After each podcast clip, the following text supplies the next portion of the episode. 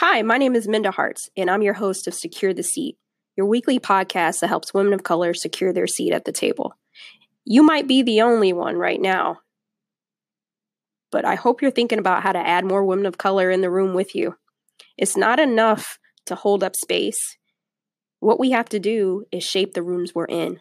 Think about how you can put somebody else on that looks like you or someone from an underrepresented group we have to use our influence to shape these rooms. We have to use our influence to help other women secure their seat.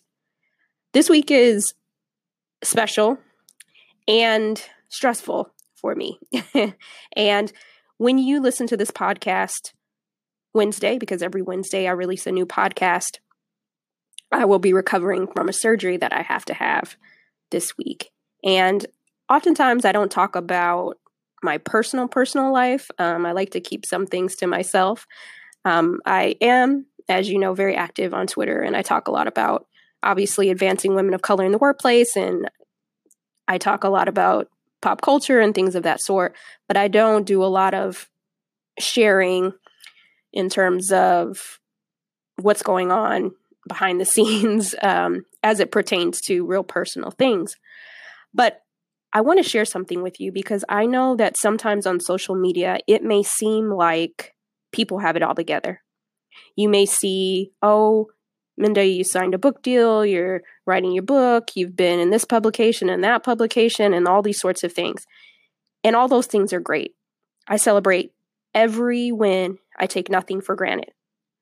And I nurse my wounds when things don't work out. Um, those are the things that happen. But in the midst of that, sometimes you might lose track of some of the other things that are going on. Everything is not A plus plus every single day. Over the past year, I've dealt with some health issues. And in the midst of all the wins, I've still had to have CT scans, a lot of blood work done, and this, that, and the other. And this week in particular, I have the first draft of my manuscript due, and I'm also undergoing surgery.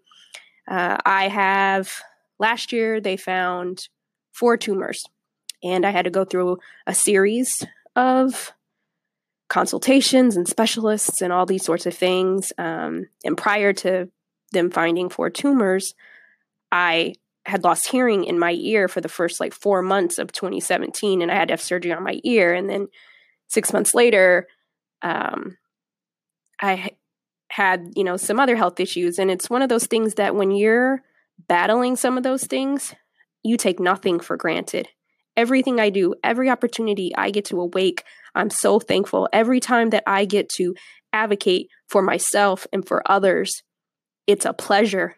It was a pleasure before I found out about those tumors, but it's definitely a pleasure now. And I leave nothing on the table. And um, sometimes those tumors have cancer in them. And thank God mine do not. I'm having them removed because keeping them still cause a lot of health issues like strokes and things of that sort. And so I'm just so thankful that, like Drake said, God's working harder than Satan. And when you think about the next six months of your year, don't leave anything on the table. Nothing is promised to us.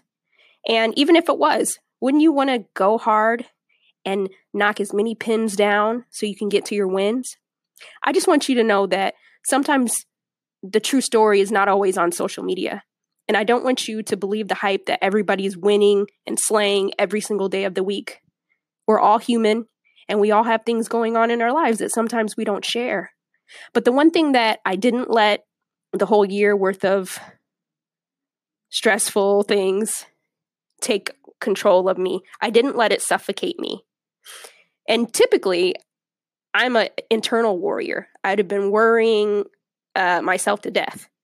But God gave me so much peace in the midst of everything before I even knew if it was cancer or not cancer, all these things. I just knew it would be okay. And I kept my faith in Him because I know He's not going to open all these doors to let me down. And even if things didn't turn out the way I wanted to, my focus was still my focus. And that's getting up in the morning, doing my work, recording my podcast, putting up content for the memo, doing our career boot camps. I'm in it to win it. And I want to let you know don't let your past suffocate you. Don't let your present suffocate you. You have the power to control the narrative. And I only share this story with you because I just want to let you know that everybody experiences wins and losses. And I don't know what season you are at in your life right now, but I want to encourage you to keep pushing, keep pushing. There is joy, peace, and happiness on the other side of the hurdle. And so I don't know what the first six months look like for you, but together, let's make the next six months the best six months. Pick one or two things that, if you could say, you know what, if I accomplish these things, or even try to, I attempt to, I'm winning. And so let's do that. And one of the things that coming up with these sort of health issues that happened, they could have been much worse. And so I take everything into perspective. But the one thing it did wake me up is to change my eating habits, make sure I'm working out, and I've had to change my diet and all of these sorts of things, but it was all worth it so that I can be here and be present for everything that's to come. And so we have to keep our minds right and our bodies healthy so that we can enjoy what is ahead of us.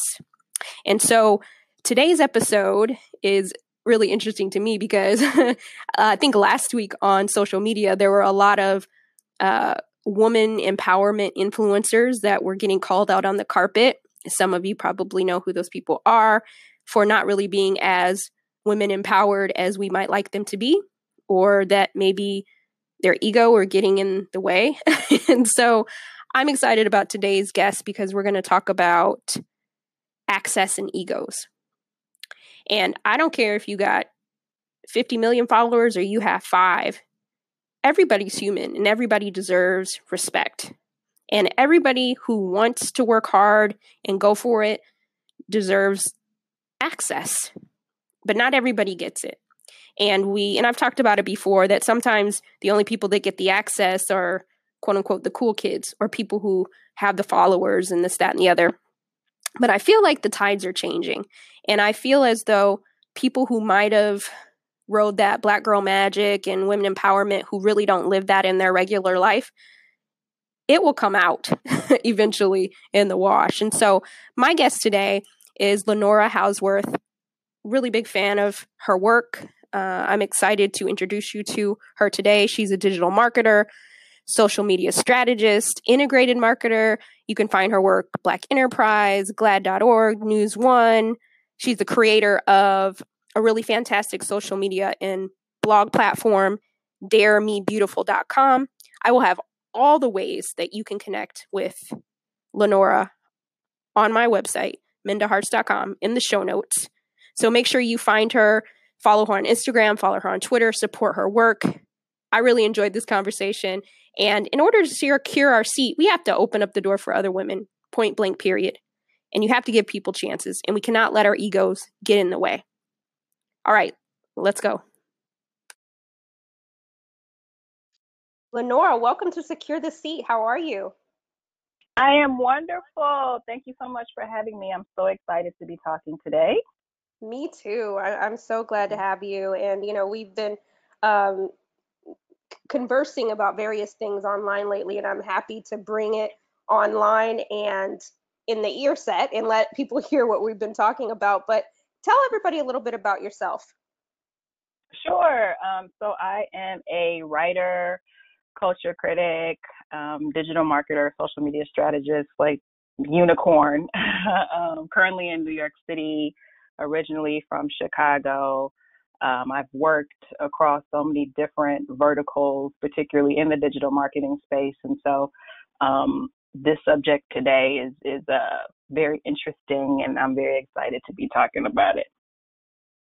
Me too. So let's get into it. So part of securing our seat is having some of those hard conversations that we don't often like to have. And as women of color, I'm noticing that as we are immersed in a world of influencers and micro influencers, it seems like women of color who gain access are the ones that have the large social media following. And that sometimes shuts out those creatives that have amazing content, but they just don't have the numbers. So that's a ridiculous way to measure success and who should have a seat at the right. table. So, how do you think we got here, and how do we make it more inclusive for those women who don't have the numbers yet? Sure. So, when I started in the digital marketing space, like a minute ago, like close to a decade now, I was actually working with a publication that was connected to the Urban League, and so um, back then nobody cared about social media influence or anything; it didn't exist. Um, and so I've kind of seen the evolution from where we were then to where we are now, from where, you know, social media, digital content was like this weird thing that nobody understood to slowly people realizing the value of it, that they could create their own brands, um, you know, make money from becoming an influencer um, and creating their own form of celebrity, right? Which I think has its pros and its cons you know, again, being a, a digital marketer, um, there's tons of value, obviously, in influencer marketing and, and things of that nature. Um, but I feel like just over time, people have kind of turned it into their own form of celebrity. And I think that's kind of where the ego uh, comes into play. Um, I agree with you. I think numbers are a ridiculous measurement of success. And again, as a digital marketer, I can tell you it is probably one of the worst ways to measure influence, honestly, in 2018. Like there's so many other um, key performance indicators that really do measure um, influence that I think people need to be aware of. Um, and it, it has less to do with followers like with each passing year. Um, and as it relates to women of color, um, how can we be more inclusive? Hmm. I know from it's a hard one. I, it is, but from where I sit, you know, people approach me all the time from like for like social media tips and advice. And, you know, even though social media now has been around for quite some time, it's still kind of the unknown you know what I mean? Especially as it relates to influencer marketing. And so when women of color approach me, I still feel like there's still a lot that people don't know in terms of like optimizing content online, how to become an influencer if that's like your goal. Um, and just, you know, having that access to information.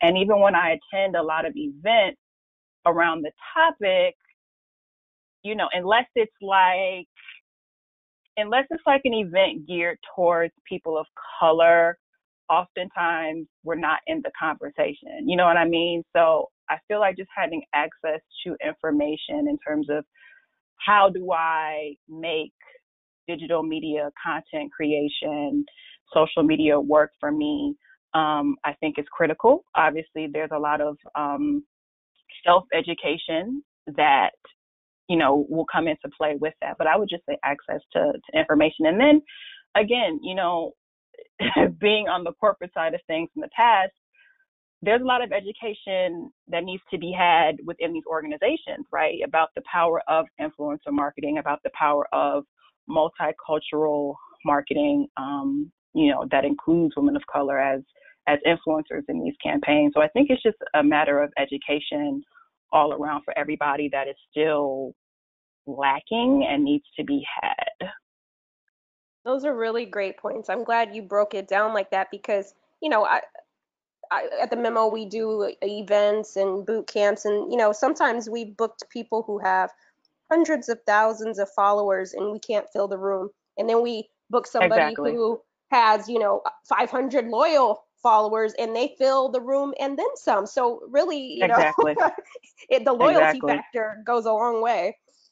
Yeah, and I'll just say, you know, for me personally, like I don't consider myself an influencer. It wasn't something that was in my purview, like on a personal level. Um, it's becoming more so now, but like I can tell you, like my following isn't, you know, in the hundreds of thousands or tens of thousands even, but my engagement is thick.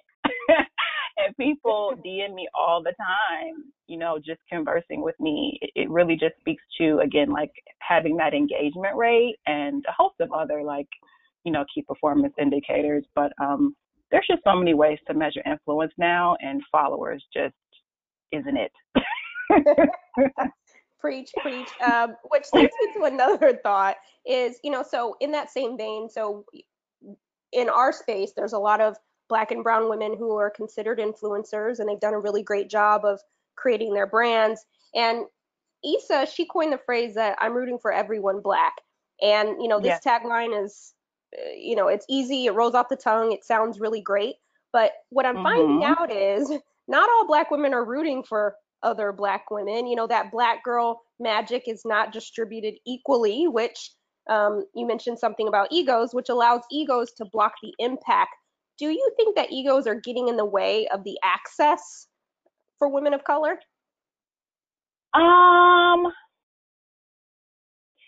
I guess we need to talk about, let's just break down access right? Like, so when we talk about access, do we mean access to one, eno- one another to exchange information or access to, you know, get the bag from uh, these large corporations? Because I feel like, you know, on one hand, yes, there's a lot of, like I said, there's there's this new form of celebrity, right, with digital marketing and social media, which I think is really really great. But like anything else, unfortunately, it does have its cons. And so, yeah, there's definitely um, the egoic part of it that does make it hard to connect with other influencers for information or just you know as an aspiring influencer if i'm trying to connect with somebody that has um, a bigger influence than me it, it is sometimes difficult to connect um, but i would say that that's not the only way to get information and access to the ultimate goal, you know, which whatever that is for that particular um, aspiring influencer. You know what I mean? Um, so yes, that is definitely like to answer your question, yes, it it it definitely is happening and it is unfortunate. But I just want to like stress to people that don't let that like block you from all of the amazing information online and connecting with larger brands. I know. No, that's good. I'm glad you said that because I think sometimes we can be building our brands or building our influence or impact, and because so and so doesn't respond to me or blah blah blah, then sometimes you can get in your head and and think that yeah. that's the only way to go. So I'm glad you are yeah. letting our listeners know that just because said influencer is not inviting you to their you know retreats or blah blah blah doesn't mean that you're you don't still have an avenue and access to get to other things that you need. Exactly exactly. And i feel like you know even from my own personal journey because i've been there like many moons that i've been there like oh my god i need to connect with such and such such and such. No you don't. You know in this day and age if you really are chasing influence you have to become you have to think of yourself kind of as a media company. Like you have to just produce amazing dope useful content. And those influencers those people that you're admiring they'll come to you. Like those big brands will find you. Like when i was very strategic about the type of content that i was producing let's say instagram for example big brands sought me out you know what I mean? And so I think people need to kind of reframe their thinking around this conversation instead of saying, oh, okay, well, I need to like bark up every influencer's tree. It's like, no, let me create dope content first. You know, it's levels to it. Like, let me create dope content first. And then once I build my own community, let me get in front of such and such, such and such, such and such. And so, yeah, definitely. Like, there's so many ways you can do it. Honestly, like, the race goes to those who create like the most amazing content and builds their own community. So, eh, you know, it's more siloed than I think people really talk about. Like, you don't need an influencer to like make your brand pop. It's like just do the work. do the work. I, I, wholeheartedly agree. I mean, you know, it's it's nice if you have the stamp of approval from so and so. The the day, sure. like you said, if you're creating dope content, you're being consistent. You know, eventually the right brands. It, and it also depends on your why. Like are you doing this because you exactly. you know want a trillion people to follow you and you know follow your every move or is it bigger than that? So you have to decide exactly. on what that's going to be exactly. That's exactly right. Yep. That's good. Um you know so kind of piggybacking off of that so let's say you've given us a little bit but there's you know, a woman out there thinking right now, you know, I want to build my following, I want to grow this, and maybe they they're just launching their Twitter page tonight, right? And what are some things that they can do to build a following? Because I, I know that whether you want to be an influencer or not, if you have 50 people that follow you, you're influencing the way that they're thinking about things. You know, so how can sure. they uh, start to build their their influence on a small scale? Sure. Oh, this is like my favorite part. I can so like I love answering questions like this. Um, I would say, as we already stated, number one, figuring out your why. All right, and then figure out what you want to ultimately communicate.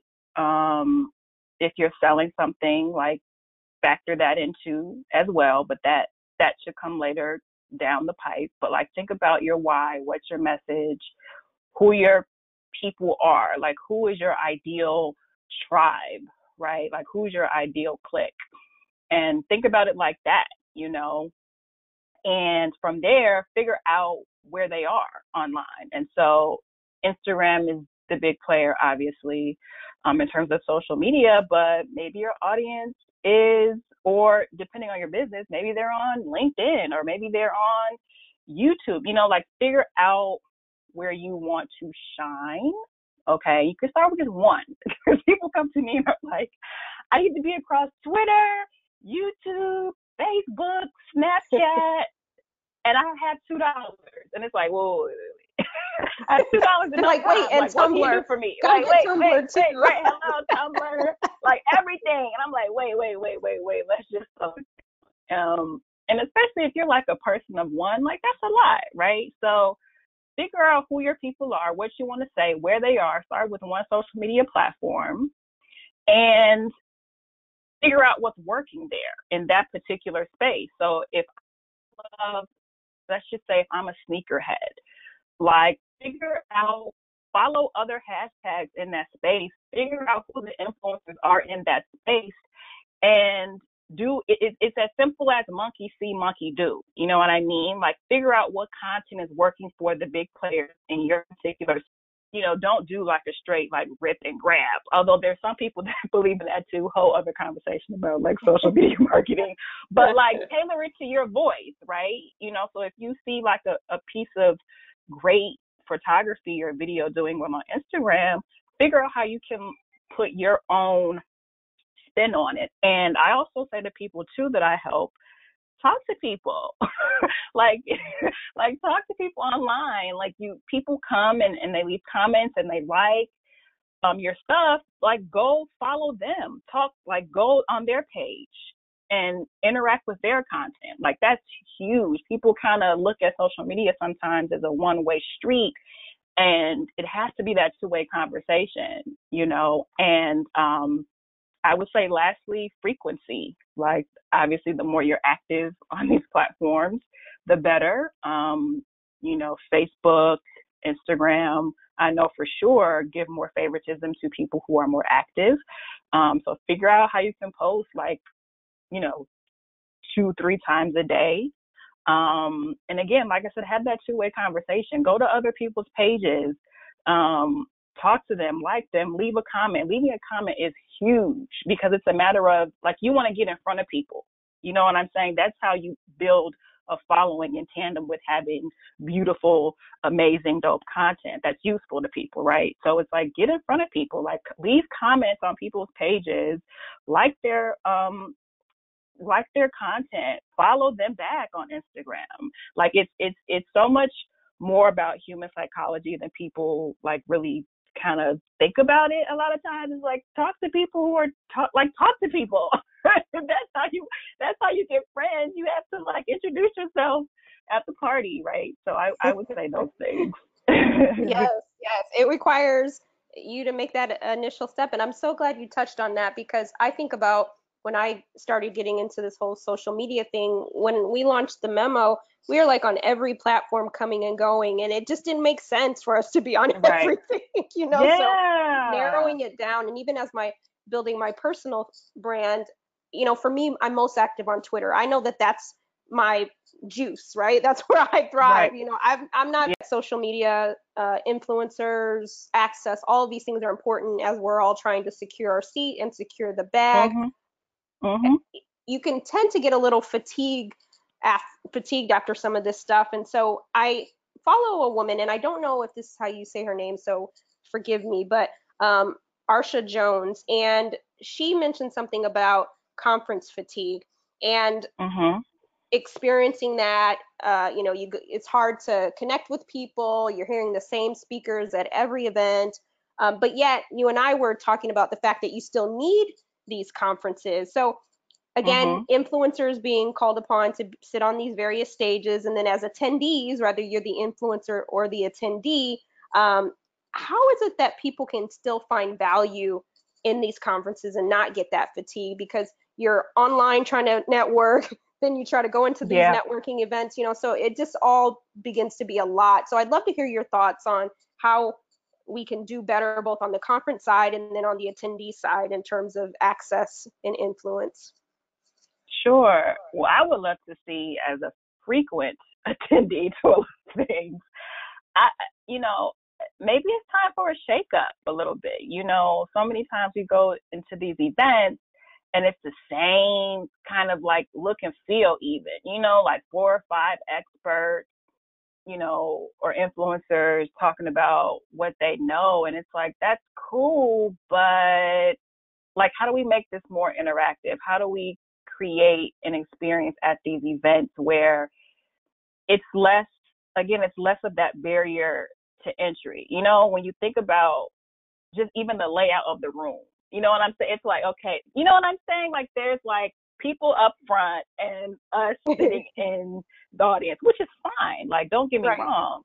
But I feel like if there's a moment or a space or like a separate kind of experience happening to where you know you have to interact as a as a panelist um, as an expert as an influencer with other people like that should like that should be happening on the event planning side. That's just my opinion, you know, like that should just be kind of happening. That's that it should be more intentional, you know, more beyond just like mingling.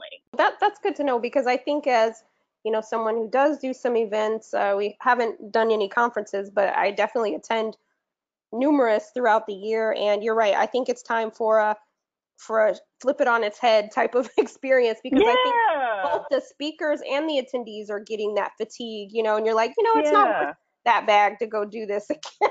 so, but we don't you want know? people to lean out because then people don't get access. So I think it, it is the onus on both sides. Yeah, I agree. And I have to say, one of your events I thought was really like a good example of this. And I forget which agency it was at, but it was with um, the sister from Boss Babe. Oh yeah, Alex Wolf uh, at Shutterstock. Yeah. Mm-hmm. Yes, thank you. Um, I liked the Q and A section of that because it was something very conversational about that, and it, it it it became like her herself took it upon herself to be like, okay, like no, like let let me not just like blanket answer your question like I hear you out, but let let let's break this down. You know, like it just felt very um it just felt more in depth in a way that I can't say we always get at events. You know what I'm saying? And I mm-hmm. don't know if that was just her personality or what, but I felt like she was very intentional about actually helping people on a personal level and breaking down each person's question in a way where it wasn't like some blanket, like hoorah answer, mm-hmm. self love, hoorah. You know, this is the same stuff you hear over and over. It was very personalized and very thorough. And I feel like more exchanges like that are powerful. Yes, no, you're right. I think that's true. And I think what you just dropped is like a pro tip. So if you're an aspiring influencer or influencer in your own right, stay fresh and stay authentic and approachable because I think that part that Alex brought to it was like, I see you, I hear you, and let's have exactly. a conversation. Yeah. Yeah. not just next yeah. person, you know. yeah, like yeah, self love, network, like the same stuff you hear over and over and over. It's like no, it was very personal and intentional, and and it was great. Good, good. No, this is great. Um, last question before mm-hmm. we move into our bonus questions are so we've been talking a lot about impact and and access, and so at some point in time, um, rather you decide that you want to be in corporate America or you want to start your own entity, um, sometimes we can get drunk off the fame because once you have that influence, you have access to a lot of different rooms. And sometimes we've seen it where our favorite influencer gets into the room and it seems like it's now all about them and they forget about the message mm-hmm. that started with. What advice would you have to remind, you know, the young women out there as they're growing and building how to understand that fame fades, but the impact is everlasting, and to always keep that top of mind. Do you have any advice on that? Yeah, I would say, I would say two things. Number one, I would say, remember how you started. You know what I mean? Like, no matter how successful one gets, like, we all start at the same place. You know what I mean? And I think it's very easy to forget like oh i was once an aspiring influencer an aspiring writer or an aspiring whatever. Um, but just remember like your thought process was like what access did you want to gain? What tips did you want to hear you know and and carry that with you when you're heading into these events? And like two like remember that's why you're there like to me like when i get invited to speak on panels my favorite part is connecting with people who want my advice. You know, like number one, it helps me stay fresh as a professional. And two, it's like, it's nothing like that exchange, you know, that exchange of information. And so it's like, that's why you're there. So always keep in mind that what is influence without helping other people? You know what I mean? It, it goes yeah. hand in hand. we can't block each other out. So never forget where you where you came from. Never forget. Never, never forget, forget, that. And I, yep. Good, so good. I would say those two things. No, that's perfect. I think that's a good way to end it. And I know that we've talked a, a lot about the influence and the access, but I think in a world of securing your seat, we all become influencers in some way, shape, or form, and we just don't want to forget about why we're doing it. And, and some people just want to do it for the fame. And if that's you, that's okay. So I'm talking to the ones that want to help other people that you don't lose sight of your why. so right. Yeah, so that's, that's true. Um, but where yep. can they find you? Where can people connect with you? Yes. So you can find me everywhere, but Twitter, Instagram uh, are my faves. And you could find me at Lenora She Wrote. That is me across everywhere. I am lenorashewrote.com and email me. I like to chat. I'm chatty, so please reach out to me or tweet me or in, hit me up on Instagram, DM me. Um, yeah, so you can find me there. Lenora okay. She Wrote. Yes, uh, make sure that you connect with her, support her, retweet her, hire her, whatever it is you're able to do. Um, make sure that you continue to root for Lenora. And then also, um, before we get out of here, I am a lover of grits and rap lyrics, and I have to know yes. what is your favorite rap lyric and why? I have so many, honestly. and to be honest with you, this was like the hardest question. I was like, wait, I don't know what my favorite rap lyric is. This is like I had to really work my brain. Um, um but I have to say, anything from Jay Z, uh, he's a Sagittarius like me, and you know, we just have a certain air about ourselves. And so I have to say, anything, most things from Jay Z, um, I adore. But one of my favorites from him, uh, I'm gonna just recite it real quick. Uh, he said, "Oh, they call me a camel, but I mastered the drought. What the f? I'm an animal." Half man, half mammal. That's one of my favorite lyrics because I'm a Sagittarius, but also it, it speaks to um, just persevering through like life and professional situations. This is what I'm pulling from it. like as an entrepreneur, as a creative, like you have to master the art of the highs and the lows of this thing, right? Mhm. so Absolutely. to me, when he says I mastered the drought, I'm like, oh, that just speaks to my soul. Um, so I have to say that's probably one of my one of my favorite lyrics. Oh, that's good. You know, I always am so happy when people spit out a, a Jay lyric because he has so much, so many bars. There's just so many life lessons in in all Yes. of these things that you can pull. Yes. So um, thank you for that. And then the podcast is called Secure the Seat. Uh, What does that mean to you? Man, that's actually changed for me. Um, securing the seat, obviously, it's like, you know, there's there's the there's how do I say? There's the obvious, right? It's saying, okay, well, I can secure my place. I can make my presence felt. I can um, make sure that my voice is heard at these tables, whether it be corporate, whether it's me in a meeting as an entrepreneur. Um, and that's dope. I have to say, for me, it's changed. It's like, it's not just like securing a seat at the table, it's creating the table. like that's saying, I am the table. It, Mhm. it, it goes hand in hand. You know what I mean? It's like, okay, I, I'm securing my seat, but I'm, but I'm also making the seat and my table with my own place setting and my own food and I'm making it I'm making it do what it do my way. And so I think as black women we have to remember that um yes, it's imperative to secure the seat at the table, but also when we make our own, like you're doing right now, creating our own platforms, our own content, um, you know, we we thereby secure our own seat at whatever table we're trying to sit at. So that was kind of long winded, but I hope.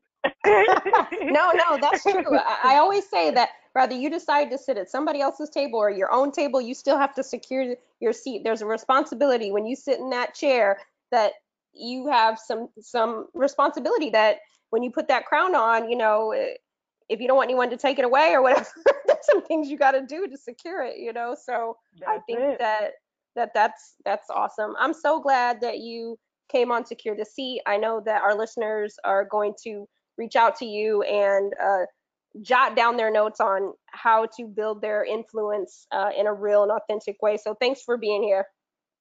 Thank you. Thank you for tuning in to this week's episode of Secure the Seat.